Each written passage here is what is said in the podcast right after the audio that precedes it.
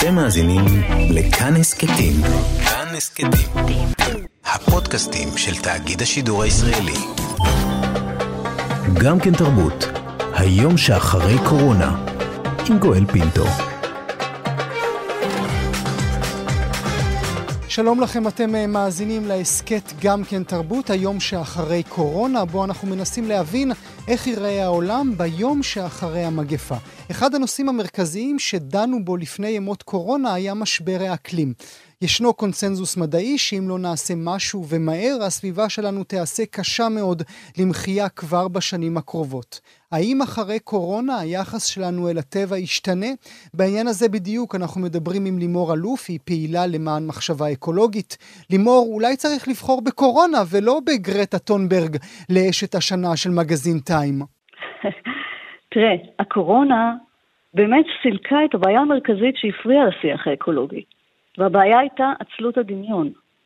השיח האקולוגי נתפס כרחוק בזמן ורחוק גיאוגרפית, המשברים נדמו מוגזמים והדוברים כרואי שחורות. גם סוגל הזמן לשינוי שדיברנו נראה דמיוני. בקצרה, זה לא נראה לנו אמיתי. לא נראה שייך לחיים שלנו, שלא ראינו שום עננה מעליהם. זה מדהים, הקורא... זה מדהים, כי ראינו טלוויזיה, נכון? הרי כולנו רואים טלוויזיה, לימור, ראינו טלוויזיה, וראינו את השריפות הגדולות באוסטרליה, וראינו את הקרחונים, וראינו הכל, אבל המשכנו הלאה. נכון. הקורונה שינתה את זה, כי היא, היא כמו ה waterboarding שלנו. היא טבלה לנו וטובלת לנו בכוח את הראש במשבר. היא מראה לנו איך אסון מהטבע רומס כלכלות. איך הוא מאיים על תשתיות ציבוריות חיוניות. היא חשפה את הכשלים של המערכות הציבוריות שלנו, את השטחים המתים בחשיבה שלנו. היא מדמה לנו את המשברים שעד לא מזמן ראינו אותם כמוגזמים, כלא רלוונטיים לחיים שלנו. היא העיפה לנו אותם לפנים. על הדרך, דרך אגב, היא עשתה גם שירות ענק, כי היא מגדירה מחדש את האפשרי והבלתי אפשרי הפוליטי. בעצם כולנו ראינו איך בן לילה הדאגה לבריאות הציבור את מרכז הבמה על חשבון כל דבר אחר. Mm-hmm. סדר היום התאגידי נדחק. עכשיו, זה היגיון שיכול לככב לא רק בעיתות משבר. לא מדובר על הפעילות הכלכלית, אלא להבין שמה שצריך לעמוד במרכז זה האינטרס הציבורי הרחב. היא זכתה לשלל הגדרות. אבל אני תוהה. האם. הנפש כן. האנושית לא תאמר גם אחרי קורונה, אמ, אולי לא תאמר, אבל תשכח בקלות יתרה. אוקיי, אוקיי. אני תוהה אם לא נשכח אחרי קורונה. את יודעת, מספיק יום-יומיים, ונגיד הנה זה עבר, אז כנראה, כנראה שאנחנו יכולים לטבע, כנראה שהמדע יכול לטבע. תראה, אתה צודק שהכל תלוי בנו, ותלוי מה נבחר. אם נבחר לראות בה באמת פרולוג לאסון אקלים, סימולציה לשיבוש מערכות, או לא. מה שחשוב להבין זה שהיא חלק מהסיפור האקולוגי והיא לא משהו נפרד ממנו. היא נולדה כתוצאה מהחיכוך ההולך ומתגבר שלנו עם הטבע. ואנחנו יכולים לבחור אם לראות אותה כזו או לעצום עיניים ו- ולחזור לסורנו. Mm-hmm. רק דבר אחד אנחנו לא לוקחים בחשבון, שיש דור צעיר שהוא לא פראייר. Mm-hmm. דור צעיר שלא מוכן לשלם את המחירים שתגבה ממנו המשך ההתנהלות הקדמת. יש רגעים שצריך להבין ש... ש-game is over. Mm-hmm. כלכלה הקיימת הגיעה לסוף דרכה. הקלון שלה נחשף. אתה צודק, היא תמשיך והיא תהיה, היא עוד על ידי דלק. היא תמשיך גם אחרי הקורונה. אבל הכתובת על הקיר. יש שיח חדש, אמנם ההנהגה שלנו לא מדברת אותו, אבל הוא מדבר על יצירת התאמה בין המערכת הכלכלית למערכת האקולוגית. Mm-hmm. ושהמגבלות של המערכות הטבע צריכים להגדיר ולהגביל את מרחב הפעילות הכלכלית. בין אם נעשה את זה עכשיו, או בין אם uh, נימנע מזה, זה עומד לקרות. יש פה מעבר עצום מתפיסה אינפנטילית, שחשבה שלטבע אין מגבלות ולכלכלה לא היה עניין בכלל להבין אותם או לרסן את עצמה, לראייה בוגרת ומציאותית של הדברים. לשם הדור הצעיר דוחף. עכשיו זה נכון, שישנו רגע שהדור שלנו צריך לקבל החלטה אם אנחנו אה, מסתכלים על זה או אנחנו מתעלמים. סדר היום שלנו תחזה כלכלה חופשית באחריות, כלכלה שמוכרת לנו לוקשים של צמיחה וקדמה, כשבפועל היא גובה מאיתנו מחירים שאף אחד מאיתנו לא הסכים לשלם.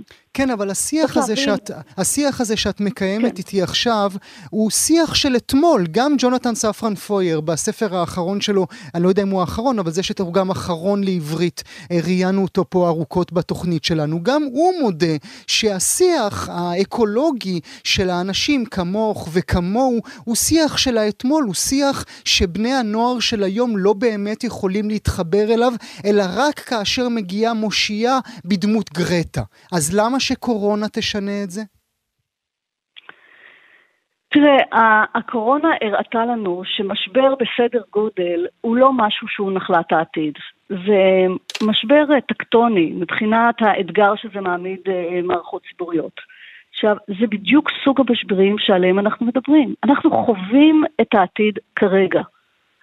וזה שהמנהיגות הפוליטית שלנו, אה, ואולי גם המנהיגות הכלכלית שלנו והמנהיגות הפיננסית, מקיימת סדר יום אה, אה, אנכרוניסטי, זה לא אומר שהציבור לא צריך לשאת קריאה לשינוי. Mm. הקריאה לשינוי הזו היא כבר כאן, וזה קורה. אנחנו קצת משתים בעצמנו כשאנחנו חושבים שאפשר לעצור את זה. יש מעט דברים חזקים בעולם, כמו רעיון שהגיע זמנו. זה מה שקורה עכשיו. המציאות דורשת מאיתנו להגדיר מחדש את הנחות היסוד שלה. כמובן. עכשיו, מה שמעניין, מעניין, מעניין, וזה בעיקר מרתק אותי אה, בכל שיחות היום שאחרי שאני מקיים פה בתוכנית, לפעמים נדמה, אני, אה, אוקיי, אומר כך, הדרך הכל כך מהירה שבה פתאום אנחנו עוטפים את הטבע, פתאום כל מה שאמרו לנו לאורך שנים מתנקז לרגע הזה עצמו. פתאום כל האמונות הפוליטיות והאמונות הכלכליות אה, נעלמות לגמרי ואנחנו חוזרים אל היסוד. ואני תוהה מדוע את היסוד הזה אנחנו לא מבינים גם בזמן שאין מחלות, גם בזמן שאין מגפות. אה, תראה, הבעיה הגדולה שלנו היא היא לא בעיה פשוטה, אבל יש פה כשל קונספציה של התרבות שלנו. אנחנו בעצם מסתובבים עם סיפור על שמפרש לנו את המציאות, שהוא עומד מתחת לכל ההנחות האינטואיטיביות שלנו, שקובע מה רלוונטי ומה לא, והוא סיפור על שגוי. הוא גימד את הטבע. הוא לא הבין בכלל שמדובר במערכת חיה עם סופי פגיעות. Mm-hmm, mm-hmm. הוא לא לקח בחשבון את התלות שלנו בטבע. על הסיפור הזה בנינו כלכלה שלמה שהתעלמה מהמגבלות הטבעיות, ואז המחירים האקולוגיים שאנחנו פוגשים היום ועוד נפגוש בעוצמה בעתיד, זה חשבון שמוגש לנו על בורות, על סיפור על שגוי. אבל בינתיים מי שמשלמת את החשבון זו הכלכלה שעליה את מדברת. היא הראשונה שחטפה את הסתירה בגלל שהיא לא הקשיבה למה שאמורים היינו להקשיב מההתחלה. נכון, אבל זה לא מה שיהיה בעתיד. אנחנו לא מדברים על סגירת הכלכלה, אנחנו לא נשים מנעולים על המפעלים, זה, זה פנטזיות שאנחנו מספרים לעצמנו כדי לדחות שינוי. אה, צריך לבנות פה כלכלה שמדברת אה, שפה אחרת, וזה האתגר שיש לפנינו. אנחנו יכולים לספר לעצמנו שאנחנו לא רוצים להקשיב לשיח האקולוגי בגלל שמדובר פה באיזושהי מהפכה קומוניסטית שתתהפך עלינו. זה לא הסיפור. הסיפור הוא סינכרון או, או התאמת המערכת הכלכלית למערכת האקולוגית. וזה סיפור אחר לגמרי. זה מדבר על, על uh, התאמה, על uh, לקיחה בחשבון של מגבלות, על שיקום הטבע, על חידוש הטבע ועל צדק חברתי. יש פה הזדמנות אדירה אסור לנו לפספס אותה. ואולי מילה לסיום, ההזדמנות האדירה הזו שאי אפשר לפספס אותה, בעינייך, אחרי קורונה, היא אכן תקרה? אכן לא נפספס את ההזדמנות? כן. אני חושבת שאנחנו באמת עומדים ברגע מאוד מאוד דרמטי. אם אנחנו מחפשים אפילו קונטקסט תרבותי לשיח, תראו, אנחנו דור המדבר. אנחנו צריכים לעזוב את סיר הבשר, את חברת השפע הזו שמאחורי ההרס וזיהום, לטובת חברה של כלכלה קטנה יותר. מה צריך הבנו? האם זה יקרה אחרי קורונה? זה מה שמעניין אותי. תראה, אפשר לעצור את זה. השאלה, השאלה היחידה שיש פה, זה קורה. הש, השאלה היחידה ש, ש, שיש לפנינו זה אם זה יקרה מספיק מהר. יש פה צריבה תודעתית של עשור, עשור כל כך גדול, שאי אפשר לחזור לביטחון של אתמול. ו- ואין ספק בכלל שאנחנו לא צריכים לפחוד מבניית תרבות.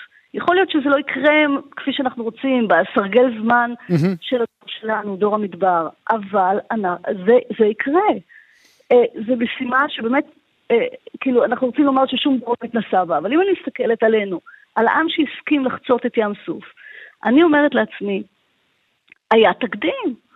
אנחנו בעצם ברגע שצריכים לשאול את עצמנו שאלה נורא פשוטה. מה אנחנו רוצים לקחת איתנו ומה אנחנו רוצים להשאיר מאחורינו כי לא שירת אותנו. מה נסכים להשאיר מאחור? זו השאלה הגדולה. תודה ללימור אלוף, זה היה פרק נוסף בהסכת גם כן תרבות, היום שאחרי קורונה. תודה לכם שהאזנתם. גם כן תרבות, היום שאחרי קורונה, עם גואל פינטו.